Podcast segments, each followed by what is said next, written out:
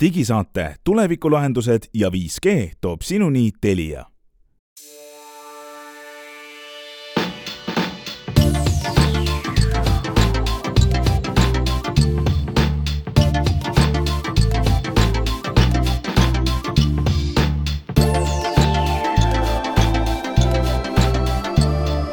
Tere, head kuulajad, kahekümne seitsmes südasuvine juunikuu päev on meiega, nimetu digisaade on teiega, me oleme täna siin kolmekesi, mina olen Hans Lõugas, Enn Kroonemaa ja Meelis Väljamäe on ka ja vaatame ette, mida see südasuvi meile pakub.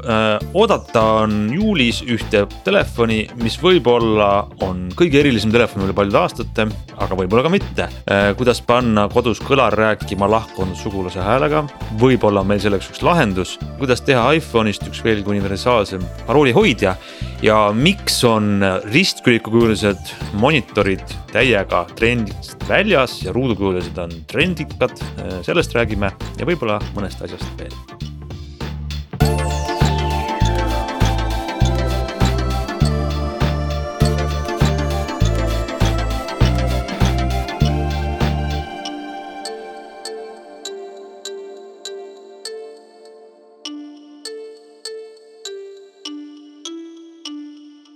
No nii, alustame siis mm, telefonist, mis ei olegi telefon, sest tema nimi on Nothing. Nothing Phone üks on ähm, selline äh, paljude kuulujuttude ja kõlakate ja ootustega ringlev äh, telefon, mida, mille kohta keegi täpselt veel midagi ei tea, meie ka täpselt ei tea. aga ometi äh, tundub olevat üks sellise äh, telefoni, nutitelefoni maailmas üks natukenegi võib-olla huvitavam uudis üle mitme aasta. esiteks, äh, enne kui me siis vaatame, mis, mis see võiks olla. Äh, kui tuttav näiteks teile üldse see nimi ja bränd on, Nothing? no see on äh, selles mõttes sellise, ma ei tahaks öelda legendaarse tüübi, aga, aga Carl, Carl Pei, kes tegi kunagi siis äh, OnePlusi, tema nagu järgmine bränd, et nad alustasid eelmine aasta klappidega, nüüd on jõudnud telefonini ja kui kumbki neist ei ole olnud minu arust väga selline. kas sa, kas sa tead ka, miks ta legendaarne on? no sellepärast ta on suhteliselt äh, kõva turundustüüp, et ta, ta oskab genereerida haipi, isegi siis, kui seal taga tegelikult väga midagi ei ole. mis seal äh, OnePlus tuli turule? Äh, OnePlus tuli turule, eks ole ähm,. sellega, et ta oli nagu odav ja, ja oli samamoodi, et need kõik nagu ei saanud ja mingi tohutu seiklus käis, et kuidas sa selle telefoni üldse endale hangid ja ja ainult nagu mingitel vähestel nii-öelda välja valitutel oli ja ta oli. tal oli ka mingeid selliseid nippe oli peal, et tal vist siiamaani äkki OnePlusidel on see nupp külje peal, kus sa saad füüsiliselt vajutada, et kas sa tahad, et sul telefon, ma ei tea, vibreeriks, oleks vaikne või heliseks või. mingid sellised asjad oli, aga et see haip oli nagu täitsa olemas.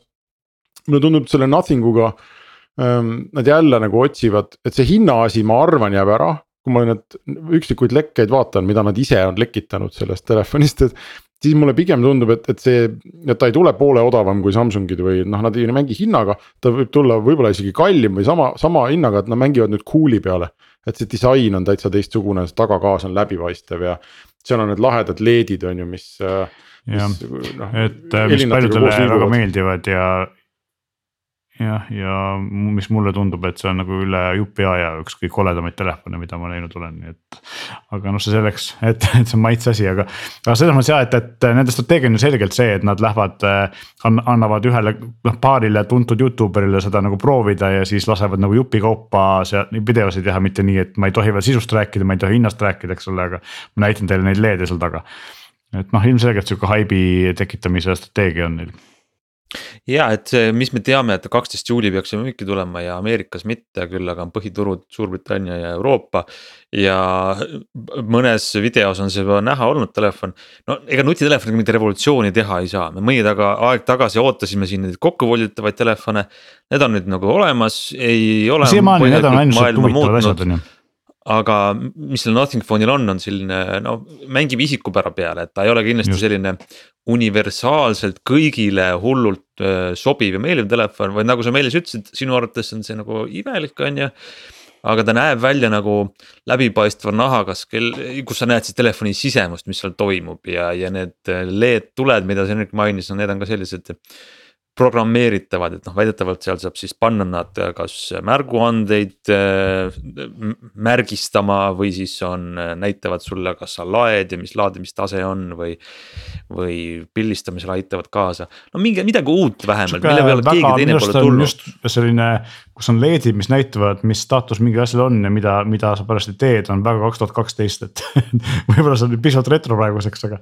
aga kuidagi nagu väga klassika, et kunagi ju teised tegid sama asja ja siis nad loobusid sellest, et LED-id ilmselt maksid liiga palju või, või see ei olnud väga huvitav omadus on ju. aga huvitav on see jah, et, et nagu sa ütlesid, et põhiturud on eh, Inglise ja siis Euroopa ja samas nad nagu teevad aktiivset koostööd eh, Põhja-Ameerika Youtube eritega USA ja Kanada. kuhu see telefon väidetavalt praegu ikkagi ei tule, ilmselt need USA operaatorid ei taha seda kohe niimoodi omale haarata ja seal võib olla täitsa see ähm, operaatorite koostöövärk, et Ameerika turule on raske sisse saada. tegelikult eks see kummitab siin meid ka järjest rohkem, et ma ei tea, kas eelmine, eelmine kord me ei ole jõudnud kuulata, rääkisite siin sellest 5G-st äh, ja sellest, et vot praegu on see, et kuna Telia paneb 3G kinni. ja ilmselt teised ka ja siis äh, kõik peavad voice over LTE peale üle minema ja erinevalt varemat, vanas, vare, vanematest standarditest juhtub sellega ju see, et äh, iga soft'i operaator peab tegema, iga telefonitootja peab tegema vastavalt operaatorile soft'i. mis tähendab seda, et kui sa oled mõni väiksem tootja või, või keda operaator väga innukalt ei taha võtta, siis sa lihtsalt ei saagi enam äh, telefoni müüa, isegi sa ei saa müüa. ma ei tea, meil või, või kuskil kolmandast poes, eks ole, telefoni nii, et see iga operaatoriga töötaks, sest see tegelikult tõotab see tulevik väga kurvaks minna niimoodi valiku mõttes. no aga mõnikord äh, sa peadki tegema valikuid selleks, et kuidagi eristuda ja, ja suurel turul, kus on sul tohutult palju operaatorite tuge vaja. no see ongi kurb, et sul on vaja operaatori tuge, muul juhul sa ei saa lihtsalt eksisteerida, eks ole, vanasti sai, enam ei saa, et see on kehv, siis ongi meil lõpuks niimoodi, et meil on. Apple ja Samsung ja ma ütleks, et see ei ole väga tore tulevik, kui meil tõesti see valik nii väikseks võiks jääda tahaks loota, et operaatorid võib-olla ka ei taha, et see valik nii väikseks jääb, et siis kaob konkurents ära ja suured tootjad hakkavad dikteerima midagi, eks ole, et võib-olla, võib-olla see nagu päästab. Jah, see oli muide selle nothing äh, phone'iga üks, üks selline, ütleme nii-öelda moto või no mitte moto, aga öeldakse, et pakkuda vaheldust sellele Apple'i ja Samsungi sellisele hegemooniale. ega me keegi ei usu, et sellest tuleb mingi tohutu suure turuosaga või märkimisväärne telefonibränd. aga vaheldus on oluline, mis vähemaltki neid suuri siis utsitab innovaatilisemalt edasi. tegelikult nad ju kõik räägivad sama juttu, Nokia rääkis sama juttu, okei okay,, Nokia praegu üritab teha seda vaheldust pakkuda odavamas turus ja Motorola on rääkinud sama juttu ja. ja siin ka teised, eks ole, aga noh, Huawei rääkis ja neil ka õnnestus seni, kuni kuni piirangud peale pandi ja praegu räägib Honor sama juttu ja nii edasi, et ehk siis tegelikult see, see vahelduse pakkumine on, on mõnes mõttes nagu ainus äh, nende selline ainus äh, loogiline suund, kuhu minna ja see ongi see, et sa pead operaatoriga just hästi läbi saama ja andma talle midagi, mis. mis nende arvates võiks siis äh, klienti nagu kõnetada, eks ole, rohkem, et Nothing seda üritabki teha tegelikult on ju. siin on küsimus Aga ka selles sa..., et, et kui palju, kui, kui ikkagi suuremad tootjad tulevad ja nii-öelda rahakotiga löövad, siis juhtub see jällegi, et sul on, lähed operaatori poodi sisse, sul on nagu ühel pool on. on iPhone'i stend, teisel pool on Samsungi stend ja siis need väiksemad on kuskil nurgas, kuhu sa kunagi ei jõua, et, et siis nagu see ka, et kuidas see poes paigalt paigutus on, eks ole, sest paljud inimesed ikkagi kõnnivad sinna poodi ja, ja lähevad nagu vaatama ja. kui nad ei näe, siis, siis nad ei näe siis nad ei ostagi. aga mis arvad, üldse tõenäoliseks, et see Eestis tuleb müügile? ma tean, et sellelt brändilt on ju need esimesed kõrvaklapid väljas. mis kuidagi siinmail liiguvad, aga kas see telefon võib jõuda siin e-müüki või? ma ei ei usu, noh, ma ei tea muidugi, Elisa on tavaliselt olnud äh, selline operaator, kellele meeldib nagu teha selliseid äh, väiksemate tootjatega koostööd ja, ja olla nagu eristuv, eks, aga, aga kes teab. aga pigem võib juhtuda see, et ta tuleb müüki kuskile, noh, ma ei tea, meile või, või kuhugi mujale, eriti sihukeste e-poodidesse, eks ole, sest et. et ilmselt siin suured äh, Soome ja Leedu nii-öelda siis edasimüüjad või distid või kasvõi Poola omad võtavad seda kindlasti oma valikusse, siis nad neid pakuvad samamoodi nagu pikseltelefonid liiguvad sama, samade kanalite kaudu, eks ole.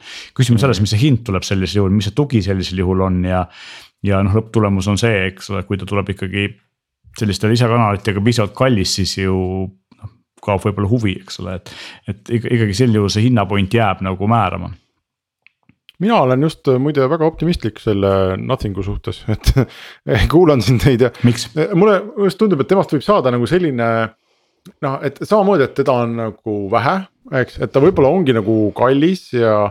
Ta näeb nagu hästi teistsugune välja ja ma ei mäleta, kes see Youtuber oli, kas see oli seesama Marquez Brownlee või keegi demonstreeris näiteks neid eriti lahedaid helinaid. noh, need olid, oli nagu jälle väike asi, eks, aga no mida sa nii pagan innoveerid selle telefoni juures täna, aga need olid teistsugused no. mulle tundus ka, et see on nagu natuke liiga väike asi ja vot ja no vot, aga, aga et ta on nagu kõik kokku on ta noh, selgelt nagu eristuv, eks, et kui sa tõmbad selle kusagil nagu taskust mm -hmm. välja. et siis noh, ma ei tea, üle, üle ma ei tea, mitme aasta on ju, või võivad tulla mingid inimesed küsima, et vau, et mis telefon see on.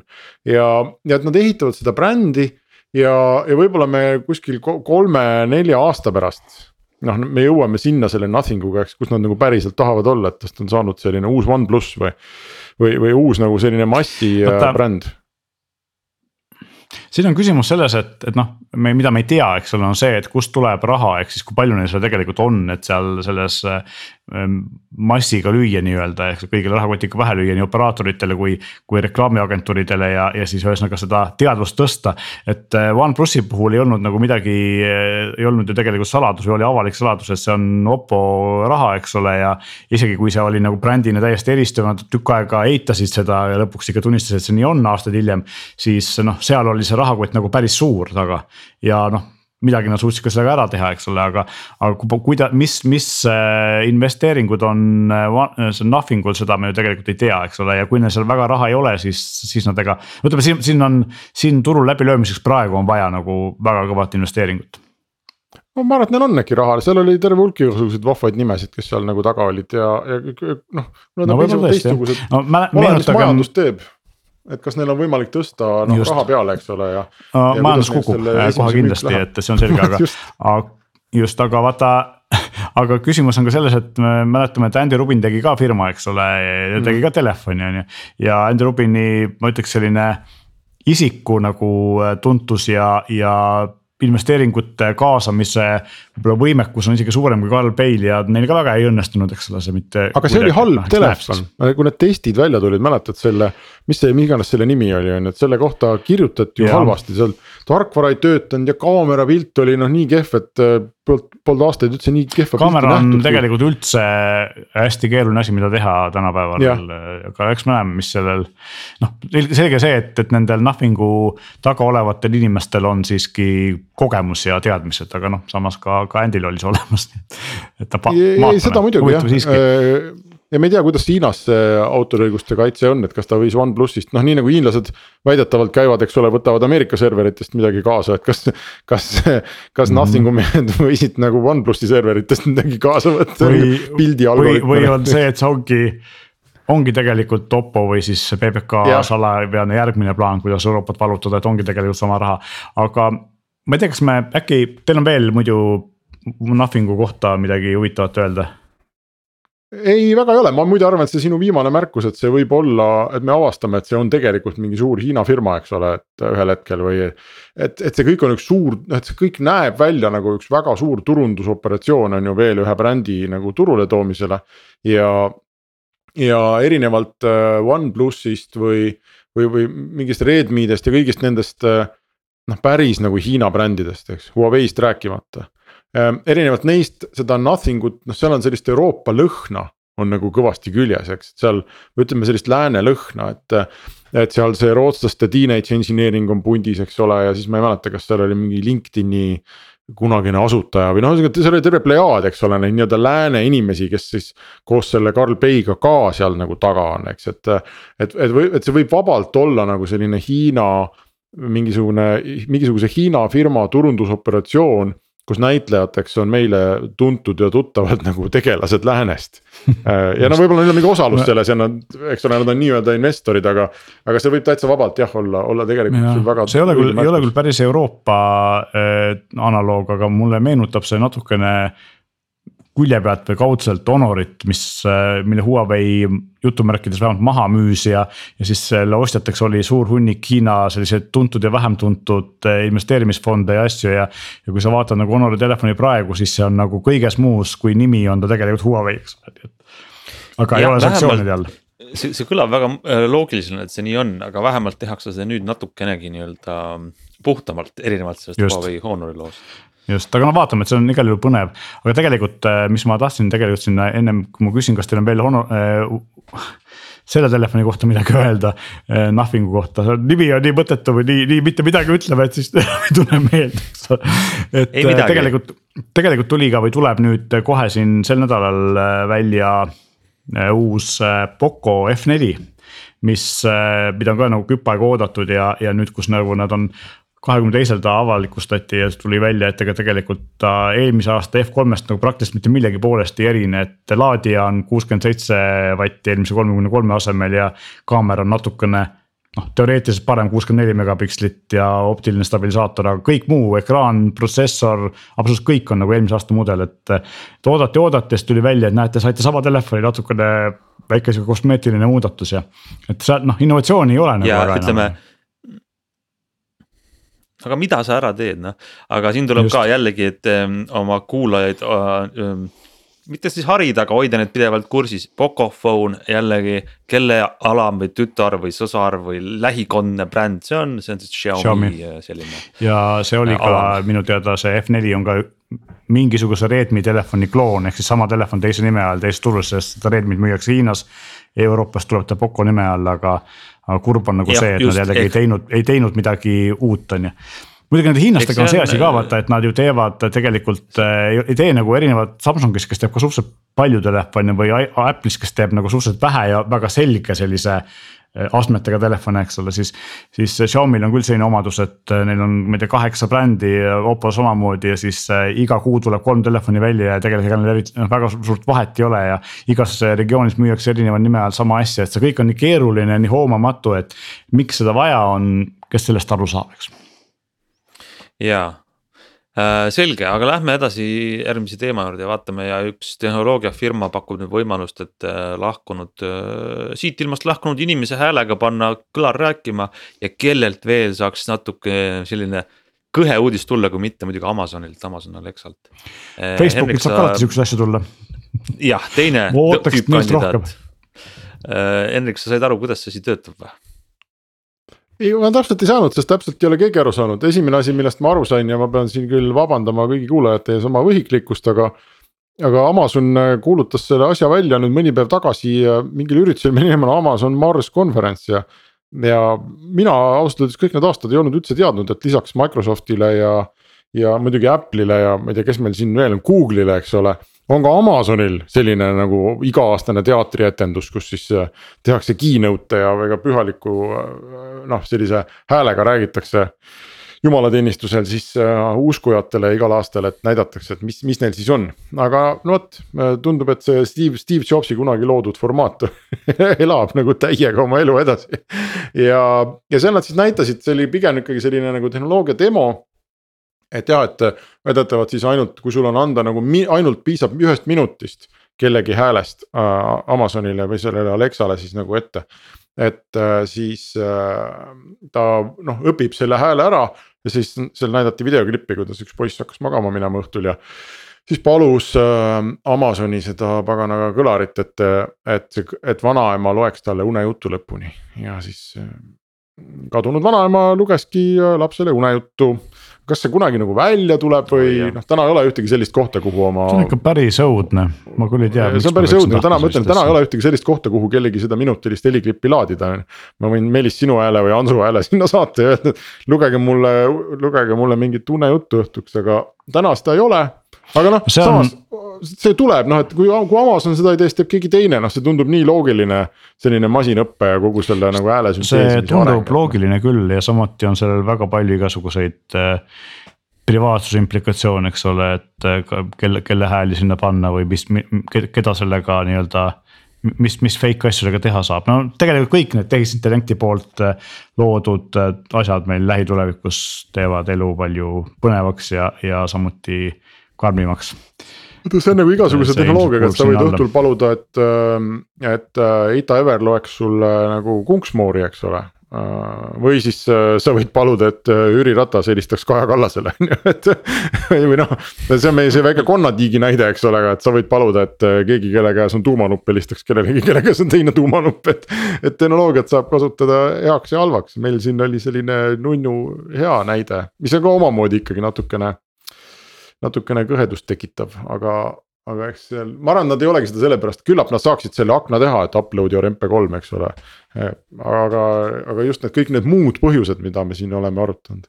küllap need on põhjused, on, on põhjused, miks seda tegelikult ei ole olemas mulle kohati tundub, et see, millest me siin mõni aeg tagasi rääkisime, et mulle tundub, et sellise nii Amazonil, Google'il kui Apple'il sellise tehisintellekti ja assistant'ite ja asjadega on nagu nad on kuidagi vastu seina jooksnud, et väga suurt arengut ei ole viimased paar aastat toimunud, vähemalt midagi üllatavat ei ole tulnud.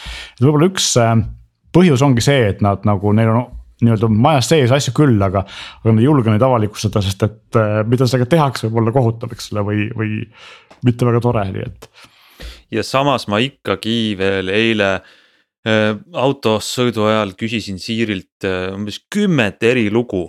et ta paneks mul mängima muusika, et mitte peaks näppudega otsima ja ta alati pani mul mängima The Good, The Bad and The Ugly soundtrack'i.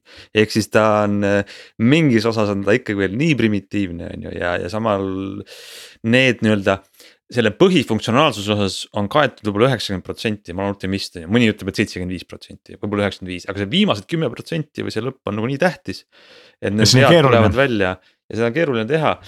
ja ma saan aru, miks siis ettevõtetel kaob ressursid, raha, jaks, järjepidevus, et see viimased protsendid katta ja selle asemel tehakse neid muid no madalamalt või keskmisel kõrgusel olevaid vilju. seal on see probleem, et selle üheksakümne viie noh, selle üheksakümne viie protsendiga vaata, me jõuame nii kaugele, eks ole, et meiesugused äh, fanaatikud, eriti kui sa oled nagu päriselt inglise keelt rääkiv inimene, et sa viitsid nagu sellega möllata või, või nagu vaeva näha ja, ja see aitab sind, teeb su elu natuke mugavamaks, aga see viimane viis protsenti on see, mis teeks siis selle elu mugavamaks ülejäänud üheksakümne üheksale protsendile, eks ole, et, et see oleks võimalikult lihtne kasutada ja teeks päriselt ka neid asju, mida inimesed eeldavad.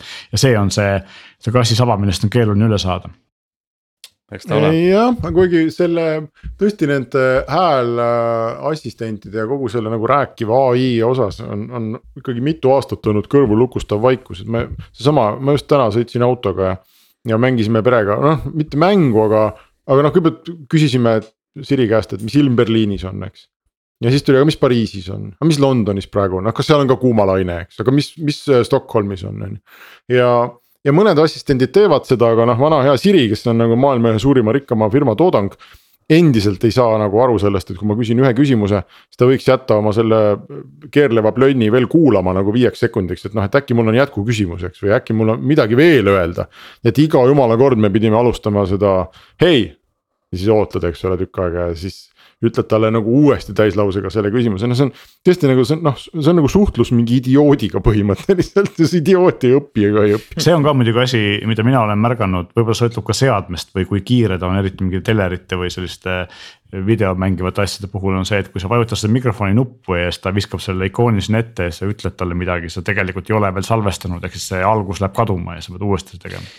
ja eks neid seadmeid on erinevaid ja ma siinkohal pean kiitma, mul on viima-, kõige viimane mudel Google Nesti oma kodus, mis, mille põhifunktsioon on tegelikult kuulata ja see on noh, ma ütleksin kolmandiku võrra parem kui Siri, mis istub telefonides või ka kellas et ta on, ta, ta on midagi, nad teevad õigesti, ma Alexat ei kasuta igapäevaselt. aga ma arvan, et siia sobiks mõned, tegelikult ära rääkida minu väike, väike seiklus, kui ma üritasin lapsele iPad'i äh, temanimelist kontot siis nagu lõpuks teha, et noh, muidu kogu aeg kasutas iPad'i minu kontoga. Mm,. aga noh, sellega lõpuks on see nagu tüütu, et ta avastas sealt message'id ja siis hakkas inimestele sõnumeid saatma. No ühesõnaga selge, sa oled nüüd nii vana, et teeme sulle oma konto ja teeme sulle siis oma selle Apple account'i või mis iganes selle nimi on, Apple ID. ja noh, kogu see protsess oli, see oli lihtsalt nagu košmaarne mm,. ma kõigepealt tegin talle Google'i Gmaili konto ja kui mõni firma on selle asja hästi lahendanud, siis ma pigem ma nagu Google'ile annaks selline noh, kaheksa või üheksa punkti kümnest küll. et see läks nagu libedalt, paned lapse sünnikuupäeva, saab aru, ahah, see on laps, ütleb sulle ilusti, näed et äh, kas sina oled vanem, jaa, mina olen vanem, eks ole, pane oma Gmaili parool, okei okay.. kas sa saad aru, et sa vastutad tema meilide eest, kuni ta saab täiskasvanuks või? jah, saan aru, eks next, next ja ongi sul uus pereliige ja noh, see kõik nagu toimis. aga Apple'is oli siis see, et minu esimene viga oli see, et ma üritasin seda teha arvutist. Macis on ka system preferences ja mingi family, family sharing on vist selle nimi. ja, ja seal ma panin, tuleb mingi tohutu aken, täitsin ära kõik mingid emailid, sünnikuupäevad, kõik, kõik asjad, on ju ja siis äh, ütlesin, et nii loo nüüd konto, parooli pidin ka lapsele panema. ja, ja siis, kui ma olin kõik ära täitnud ja vajutanud seda nuppu, et nüüd create või noh, et nüüd loome siis konto. siis anti mulle veateade, et, äh, et parool ei sobinud talle. ühesõnaga noh, paroolis oli midagi puudu või noh, nagu need teated on, eks ole, et mingi peab olema raskem, on ju. Mhm. ja siis selle asemel, et lasta mul uus parool panna, pandi lihtsalt see aken kinni ja ma pidin hakkama otsast peale ütlema nii, add child, nimi, sünnikuupäev, kõik mm. otsast peale tegema. Ja siis, kui ma panin selle korrektselt, siis ta veel andis mulle, siis läks see läbi ja, ja siis ta näitas mulle veel mingit litsentsi, ma aktsepteerisin selle. ja siis ta jäi lihtsalt keerlema mingisuguse creating account äh, nagu koha peale ja, ja põhimõtteliselt nagu kogu see asi jooksis kinni. ja siis ma ohkasin, võtsin oma iPhone'i ja, ja tegin sellesama pulli iPhone'ist läbi ja iPhone'ist see töötas ja saingi lapsele siis konto tehtud. Ja noh, siis hakkab see, ma ei tea, mõni kuulaja meil või Ants, sina oled ka iPhone'i kasutaja, eks ma ei tea, kui palju sul on kogemusi, aga. minu kogemus on see, et Apple'i, et kui Apple on milleski hea siis on see nagu äh, parooli akna näitamine ja parooli küsimine iga pagana väiksema asja peale yeah.. see vaene laps ei saanud mitte midagi teha, nii kui App Store'i lahti teha, nii, kes sa oled, mis su parool on? Nii. Siis saadeti jälle mingit topeltkinnitust. väiksed tähed numbrid muudkui trükid neid ja siis lähed mingisse järgmisse kohta ja üritad mingit järgmist asja teha, nii, kes sa oled, mis su nimi on, jälle pane parool, pane sõrmejälg, pane parool, pane sõrmejälg, pane parool, arvutis parool, no see oli kohutav. No sest mul oli, mul on nüüd see parool elu lõpuni pähe kulunud, sest ma olen seda mingi sada tuhat korda sinna iPad'i toksinud. ja, ja, ja siis ja kõige lõpuks veel selgus, et on, vaata family sharing on iseenesest Apple'il on hea asi, et kui mina või mu abikaasa on ostnud mingeid äppe siis lapsed saavad neid ka oma mm -hmm. seadmetesse nagu tõmmata, eks, kui, kui äpp toetab seda. ja mm, -hmm. ja muidugi on lapsele ostetud sinna ju aasta jooksul igasugu noh, tänapäeval kõik mängud on ju need äpisiseste või mängusiseste ostudega, eks. mingi level, mingi tegelane, noh, kõik on ostetud sinna euro, eurohaaval. siis loomulikult selgus, et neid äh, ei saa äh, family share ida. ehk põhimõtteliselt see ei ole toetatud või vähemalt mingites äh, mängudes, kus meil oli neid vaja siis mängu enda nagu ametlik tugi ütles ka, et, et äh, Apple ei võimalda seda. ja ainuke variant on, et nüüd logi siis äh, iPad'is logi selle lapse kontoga välja, logi enda kontoga sisse, tõmba see mäng ära äh,. siis on sul need ostud seal nagu tagasi, siis logi enda kontoga välja, siis logi lapse kontoga sisse ja siis loodetavasti kõik töötab. see on, see oli täiesti haige ja košmaarne maailm ja ma ei taha mitte kunagi enam sellega nagu tegemist teha. et, et no on lihtsalt on yeah. mingid asjad, mis on järjekindlalt katki, nagu seesama Siri või nagu need noh, mingid hääleasistendid või. või need ongi katki ja mulle tundub, et mitte keegi ei tegelegi üldse mitte kunagi enam sellega, et nagu korda saaks ja kõik otsivad mingit virtuaalreaalsust. ometigi on neil tohutu kogus äh, inimesi tööl, kes tegelevad selliste asjadega, eks. ei, ei, ei, ma arvan, et asi ei ole koguses inimestes, ma arvan, et see on äh, see nagu Eesti e-riigis on legacy, on see mingisugune vana, vana tarkvara, mis on väga kriitiline ja kannab kõike, see alusvundament mida keegi ei julge näppida. minu jaoks on tõend selle kohta, see, mis sa räägid Henrik lapse kohta siin, ma tõesti usun ja see on täiesti õige kogemus sul, aga tegelikult see ei puuduta ainult lapse kontosid, see on üldse Apple'i kontoga jamamine. ja tõend selle kohta, kui legacy see on on see minu arust, et kui ma tahan vaadata oma konto mingisuguseid sätteid arvutis, peab, pean ma avama programmi mis kunagi kandis nime iTunes, nüüd on ta programm juba nime muutnud, ikoon on muutunud, kannab nime Music, aga selle programmi sees on üks koht, kus on minu konto mingisugune väljavõte ja, ja. ja seal on see Apple'i ID sees, sest kunagi ammu oli see konto viis, kuidas ma sain iTunesis osta neid albumeid, kui kunagi tuli välja iPod ja, ja mingid värgid, et. et see on nii sügaval seal Apple'i selle keldris, seal viimasel korrusel on see, nii et ometigi äh, Apple on tuntud selle poolest, et nad on nagu üsna sellised kiired liikujad eh, legacy asjade äraviskamisel võrreldes näiteks Microsoftiga, kes istub seal küljes aastakümneid kinni.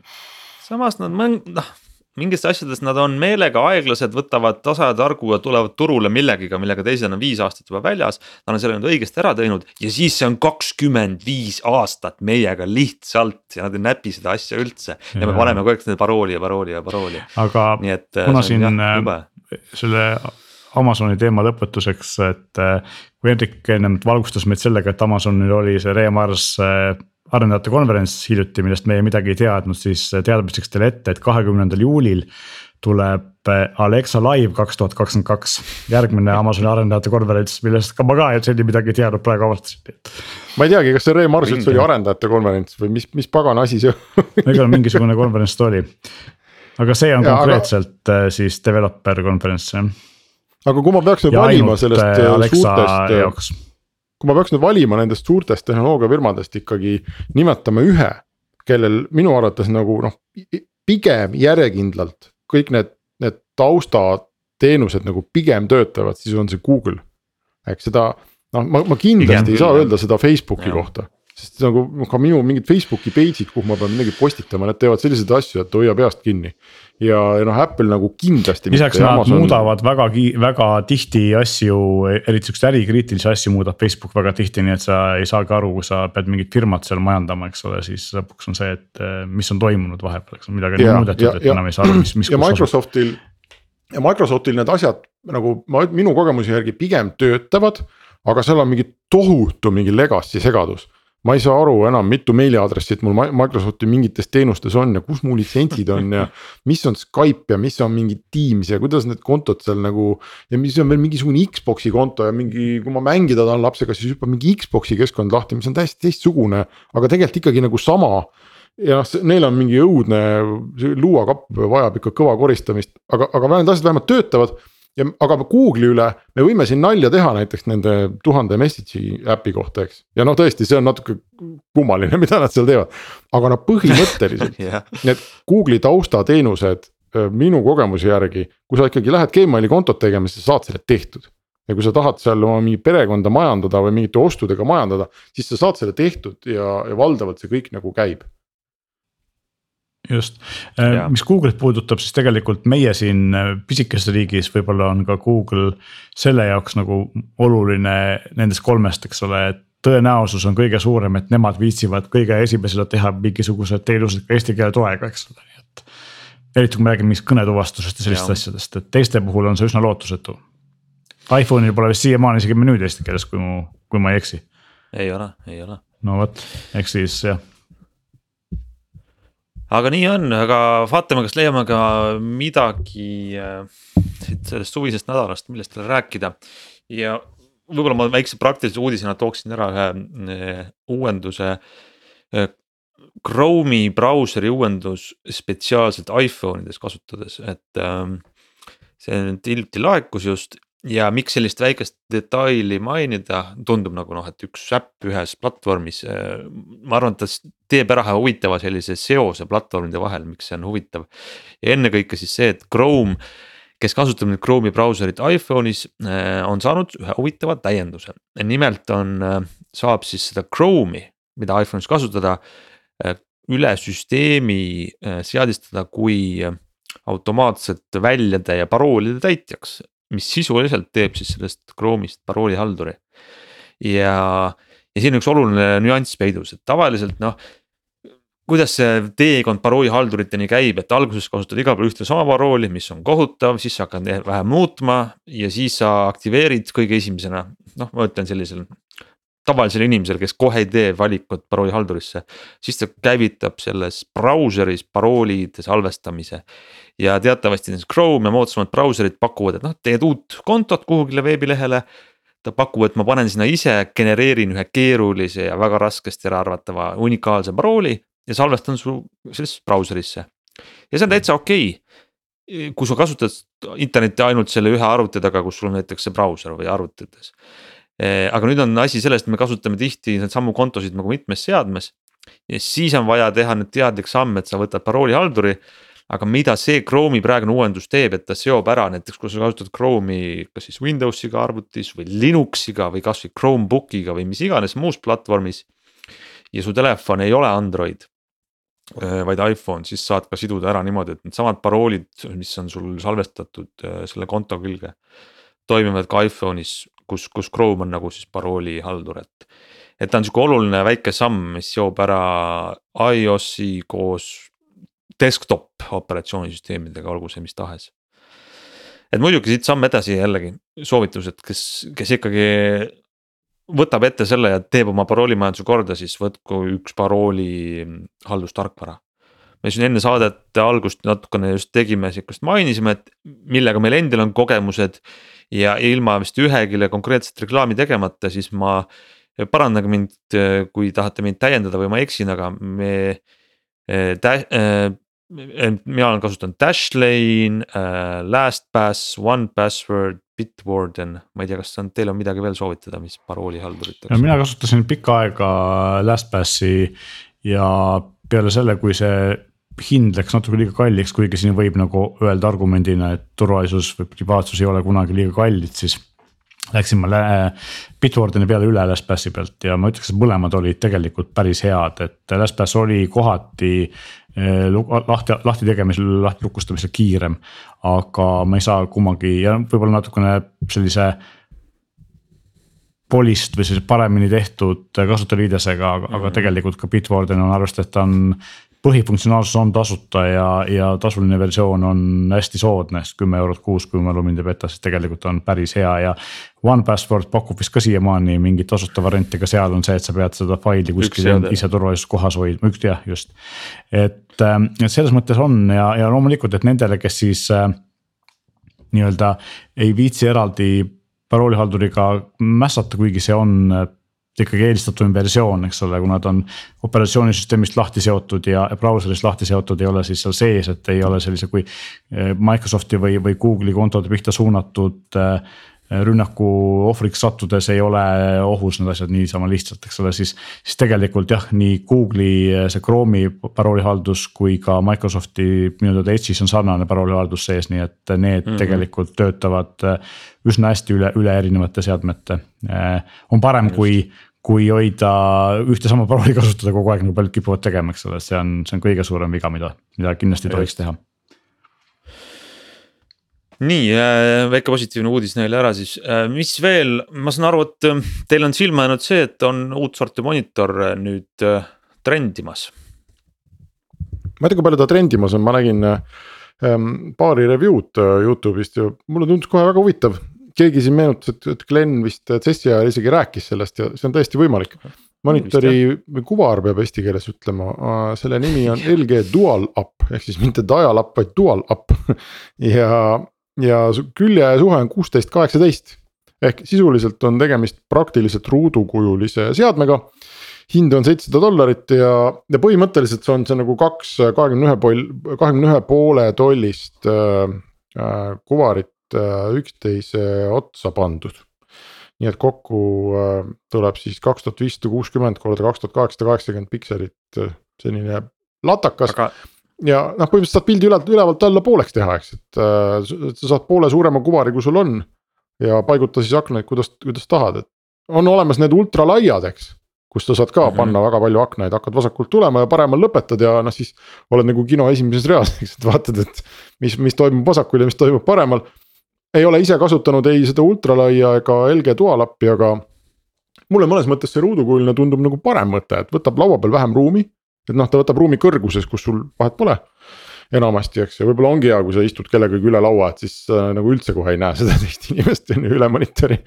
ja, ja need aknad on ka nagu kuidagi koos, et sa ei pea pidevalt vasakule-paremale vahtima, et mulle tundus see täitsa huvitav nagu mõte ja et sul on täiesti õigus selle koha pealt, et mõned asjad tehakse niimoodi, et on innovatsioon innovatsiooni pärast või et lihtsalt näidati midagi uut ja. ja kui mina seda monitori esimest korda nägin, siis mulle tundus ka pildi pealt vaadates, et täiesti mõttetud, milleks sellist asja vaja on, nii et, et selline lai, lai ekraan monitor on väga mugav ja juba täiesti nagu olemas ja töötab hästi. aga siis ma vaatasin neid pilte ja sain aru, et ahah, et tegelikult see, mida inimesed siin nende LG enda poolt tehtud äh, stuudiopiltide peal teevad, on see, et nad enamasti äh, Äh, siis ähm, tegelevad videotöötlusega või, või audiotöötlusega, eks ole, ja selle jaoks on selline üksteise peal olevate virtuaalsete akende asetus ikkagi nagu täiesti ideaalne lahendus, et äh, igal asjal oma nišš ja, ja selles nišis on see monitor suurepärane ja ilmselt on seal ka teisi äh, kasutusvõimalusi, mille peale ma praegu ei tule, mis on võib-olla sama head, eks ole, et, et, et asi, mis väärib oma kohta, ütleme siis niimoodi Mm. aga meeldis, kui sa peaks töötama näiteks mingi paralleelselt näiteks kahe Wordi dokumendi ja kahe Exceli dokumendiga. Aga sa pigem tahaks ka võib-olla need panna niimoodi noh, kaks, kaks, kaks, kaks või, või, või kas sul on mingi põhjus, miks sa eelistaks nagu laotada nad vasakult paremale niimoodi suurde rivisse? ideaalis sellisel juhul Excelis ma jah, mulle, see on harjumise asi on täiesti võimalik, et tegelikult on niimoodi parem töötada. aga praegu ilmselt mul on liiga sisse harjunud see, et ma liigun vasakult paremale ja paremalt vasakule kahe Wordi või Exceli dokumendi vahel. Wordi puhul ma tegelikult eelistaks veel, mul on ka endal, kui ma teen seda arvaga, need tellimonitorid kaks tükki, millele saab ekraani pöörata vertikaalseks, et Wordi puhul ma ideaalis isegi. võib-olla pööraks nad mõlemad monitorid vertikaali ja siis liigutaks üksteise vahel või noh, see on nagu kahe monitori puhul, eks ole, aga mul ei ole ühte seda ultrawide'i endal olemas, aga ma tean inimesi, kes kasutavad ja väga kiidavad, nii et. et see on, see on kindlasti on see harjumise asi, et on täiesti võimalik, et üksteise peal tegelikult dokumenti hoides on see parem, aga mulle lihtsalt tundub, et kui ma kerin seal dokumendis, eriti just Wordis, Excelis on teistpidi, eks ole, seal ta lai dokument või noh, Exceli tabelid on reeglina laiad. ja seal on see sellist tüüpi paigutus võib-olla isegi parem kui, kui üksteise kõrval. Wordi aga... puhul ma kahtlen selles. Meelis, oota, ma tahan su kommentaariks öelda, et jällegi võib-olla see nõuab nüüd sinna teaduslikku lähenemist ja analüüsi, miks see nii on, aga mulle tundub, et su sisetunne on õige. Minul on ka see tunne. ja võib-olla see on midagi väga ürgset meie kehaehituses, sest me vaatame peaga vasakule-paremale ja see on loomulikum, kui vaadata üles-alla kaelaga või silmadegagi isegi. et minu puhul on, see on jällegi.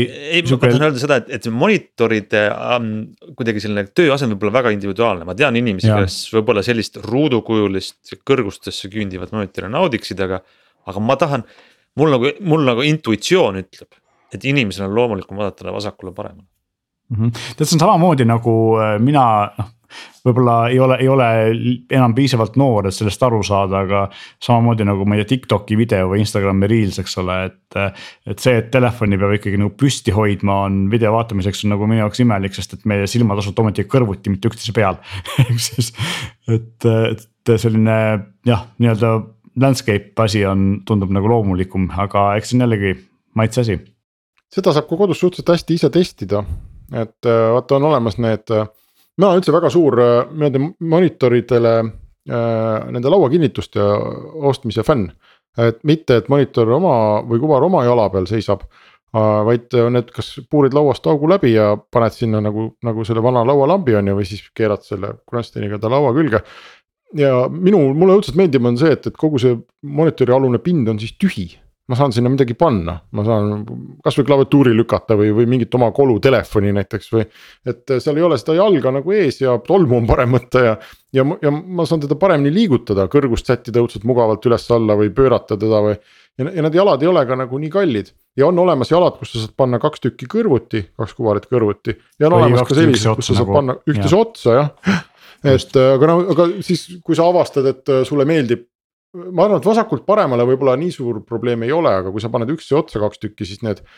Need raamid, mis sinna vahele jäävad, et see keskel noh, ühe monitori ühe, ülemine ja teise monitori alumine, et see võib päris nagu suur plokk tulla äh, aga vähemasti seda on nagu lihtne katsetada igalühel hangi kaks kuvarit, tõsta nad kuidagi üksteise otsa, tööta nädal aega, vaata, kas kael on valus, on ju. et kas tahad niimoodi edasi vaadata ja kui tahad, siis see hind ei ole tegelikult ju noh, eeldades, et see on tööriist, eks, siis äh, see hind ei ole nagu košmaarne. noh, sellist tüüpi monitorid äh, kipuvad ikkagi olema tööriistad jah, et. Ähm, jah, aga ainuke asi, ma tahaks, et ta oleks 4K, et natukene ikkagi pikslit on nagu vähe töö, töö ja, monitori jaoks minu juure puhul tekitab alati sellist äh, hämmastust see, kui selliste monitoride puhul tootja räägib, et meil on HDR äh, kümme tugi ja, ja mis iganes veel, et ja siis see eredus on kolmsada nitti, et noh, kolmesaja nitiga sa ei tee eriti HDR-iga midagi vaatamiseks. rääkimata sellest, kui sa peaksid sealt töötlema mingit HDR-i videot, kus sa peaks saama nagu õiged värvid, siis see eredus ei ole piisav selleks, et saada töödelda HDR-is videot, ehk siis äh, tegelikult äh, noh, selline, selline, selline, sellise eredusega monitoride puhul ei peaks nagu HDR-ist rääkima. aga ju siis, ju siis on vaja. nii on ja ma vaatan, et meie saates, meil on veel üks äh, teema mainida, mis mulle silma jäi ähm, selle kohta, kuidas ähm, tegutseb suur platvorm Instagram. sulgudes Facebook, sulgudes Meta. Äh, ehk siis Instagramil on äh, uus ähm, selline vanuse kontrolli mehhanism, teatavasti kasutavad eh, Instagrami paljud, paljud inimesed, me kõik kasutame, täiskasvanud, aga ka äh, alaealised, aga. Eh, kasutustingimustes on ikkagi väga selge vanusepiirang, esiteks kolmeteist aasta piirang. ja teiseks on ka teatud osa sisust ju määratud, et sa määrad, et sa oled täiskasvanu. ja eks need sotsiaalmeedia rakendused ja platvormid on saanud niikuinii kõvasti kuuma selle eest, et see ütleme, reaalne kontroll on seal olnud olematu, et sa paned, et ma olen kuuskümmend viis, kuigi tegelikult oled kaheksa ja siis äh, vaatad kõike. nüüd on siin Instagramil selline plaan, et äh, mis esialgu rakendatakse USA-s, et teismelised peavad oma vanuse kinnitama ja selleks on kolm võimalust. esiteks laed nagu kuskile äh, panga või sõidujagamise äppi laed üles oma isikudokumendi pildi umbes nagu Veriff kontrollib siis sinu äh, isikut, et paned dokumendi, kus on su vanus peal. teine võimalus, sa pead laskma kolmel teisel täiskasvanud kasutajal siis kinnitada, et jah, et sa oled tõesti nii vana, nagu sa väidad ennast olevat. või kolmas asi äh,, teed siis video endast, enda näost video, kus siis, mis peaks aitama veenduda, et see vastab sellele sinu vanusele no ühesõnaga siin on. sellist pankade poolt kasutatavat äh, kontrolli, kus on ka siis selfie Just. või video pluss dokument, tavaliselt on mõlemad, eks nii dokument kui, kui siis see video ja sellepärast mulle see silma jäigi see uudis, et, et mõnes mõttes tehnoloogiliselt on meil see probleem ju ammu lahendatud. kuidas veenduda, et see inimene seal teisel pool on täpselt nii vana, kui ta väidab, et ta on olevat. annab siis mingisuguse kinnituse või teeb ennast video, on ju. aga see on natuke selline kahe otsaga mäng, et tegelikult pole ju Instagramil, sulgudes Facebookil, sulgudes Metal mingit äh, noh. Nad natuke lohistavad jalgu, ega nad tegelikult ju ei taha hirmsasti seda ranget vanusekontrolli teha. mis siis, et tehnoloogia on selleks olemas, sest et see tegelikult võib tähendada, et paljud inimesed tuleb kontot kinni panna või ära saata sealt platvormilt ja see tähendab kasutajanumbrite kukkumist ja see tähendab äriliste näitajate sellist nadimaks minekut et, ähm, et noh, nüüd on piisavalt palju nad saanud äh, kriitikat, nad ikkagi selle vist siis panevad käima vähemalt USA-s. see meenutab mulle nagu seda olukord. juttu sellest, kuidas Apple ei taha, et inimesed saaksid oma telefone parandada, aga nad on sunnitud seda tegema ja siis nüüd hiljuti tõid ju mingisuguse sellise mingi teenuse või noh, ma ei tea, mis selle kohta öelda välja siis kui sa tellid, sulle saadetakse koju mitukümmend kilo mingisugust tehnikat ja sul on paar päeva aega selle kiloga hakata oma telefoni remontima, muidu saad trahvi. et noh, et juriidiliselt. pluss pead maksma tagatisraha selle asja eest. jah, et see tundub umbes samasugune asi, et me üldse ei taha seda teha ja me teeme seda nii idiootsel viisil Just. kui võimalik ja nii see on, eks ähm, eks tuleb linnuke kirja saada, et me teeme seda ja kontrollime, aga küllap jääb võimalus siis ikkagi näidata, et see konto, konto on äh, aktiivne. ja, ja kasutajatele näidatakse seda sisu, mida nad äh, on, mis nende õige vanus on, ehk siis tegelikult ei panda su kontot kinni, kuna see oleks kõige hullem otsus, aga siis võib-olla pannakse sind väikesesse suunatud voogu, et sa näeksid eakohast sisu aga mulle tundub, et meie juunikuu kõige viimane digisaade on vist täitsa lõpusirgel või kuidas teile tundub? siis on meid ootamas ees kuum juulikuu, ma loodan, et teie kõik seadmed ja akud ja te ise ja teie ajud peavad kuumusele vastu. nädala aja pärast me oleme ja, tagasi ja. Neid vanu nõukogudeaegseid külmkappe, mis äh, kuumusega kipuvad ära surema, ilmselt väga palju järgi jäänud ei ole jah, äh, tehnikat tuleb hoida, ennast tuleb hoida kuuma eest mõlemat. Äh, ja eriti akudega asjad, akud ei kannata, ei karda, kardavad nii külma kui kuuma, eks ole, et ekstreemne kuumus ei meeldi ja tegelikult noh, telefonidel samamoodi seal. eriti kui sa teed mingit videot või, või vaatad mingit videot, siis äh, protsessor läheb niigi kuumaks ja kui ta veel päikse käes ka on, siis on hästi hästi ohtlik ja muidu üks asi kindlasti ka see, et kui te lähete autoga kuuma ilmaga kuskile, siis võtke oma asjad kaasa, ärge jätke neid kuuma autosse, see võib lõppeda halvasti tehnikale. kuule, sa andsid mulle veel, tahtsin juba saatele kuulutada lõppu välja, aga ma ühe soovituse pean ka jagama veel nagu, nagu sina just ütlesid, sest et ähm,. mul on selline äh, ühes autos olev autolaadija, mis kinnitub äh, ventilatsiooniristi külge ja milles mille sees on juhtmevaba laadija, et ma panen telefoni sinna külge ja ta laeb automaatselt juhtmevabalt. ja see teeb telefoni kuumaks, see laadimine ja kui nüüd mm -hmm. on mhm. päikse käes, siis ta läheb veel eriti kuumaks. ja ainuke Aga... asi, mis see päästab, on siis see, et, et seda ikkagi kõvasti ventileerida seda. just mõtlesingi, et samal kui ta sul selle ventilatsiooni augu küljes on, siis sa saad sealt panna konditsioneeri tööle ja lasta just... jahedat õhku, eks ole. kui ta on aknaklaasi küljes, siis ta seal läheb ilmselt veel kuumemaks ja seal nagu veel aga noh, paljumate uuematel autodel on ka see juhtmeva laadimise padi, äh, ütleme keskkonsoolis, kus ei ole seda ventilatsiooni, nii et hoidke nagu silm peal, et see, see, see läheb. üks asi muidugi ka see, mille peale tegelikult ei mõelda, et päris paljud on, paljudel on äh, pardakaamera, mis on permanentselt auto küljes kinni ja mis on või noh, küll võib-olla ära käiva kinnituse peal, aga mida ei võeta ära. ja seal on tihti ka sees äh, aku, mitte kõigil küll, aga osadel, et seal võib ka juhtuda see, et selle, see liigne kuumus võib halvasti mõjuda, võtke ta küljest ära, pange ta kasvõi sinna kindla laekasse, eks ole, selleks ajaks no vot, selliste soovitustega peaksite küll järgmise nädalani vastu pidama, nii et äh, aitäh kõigile kuulamast ja kuulmiseni jälle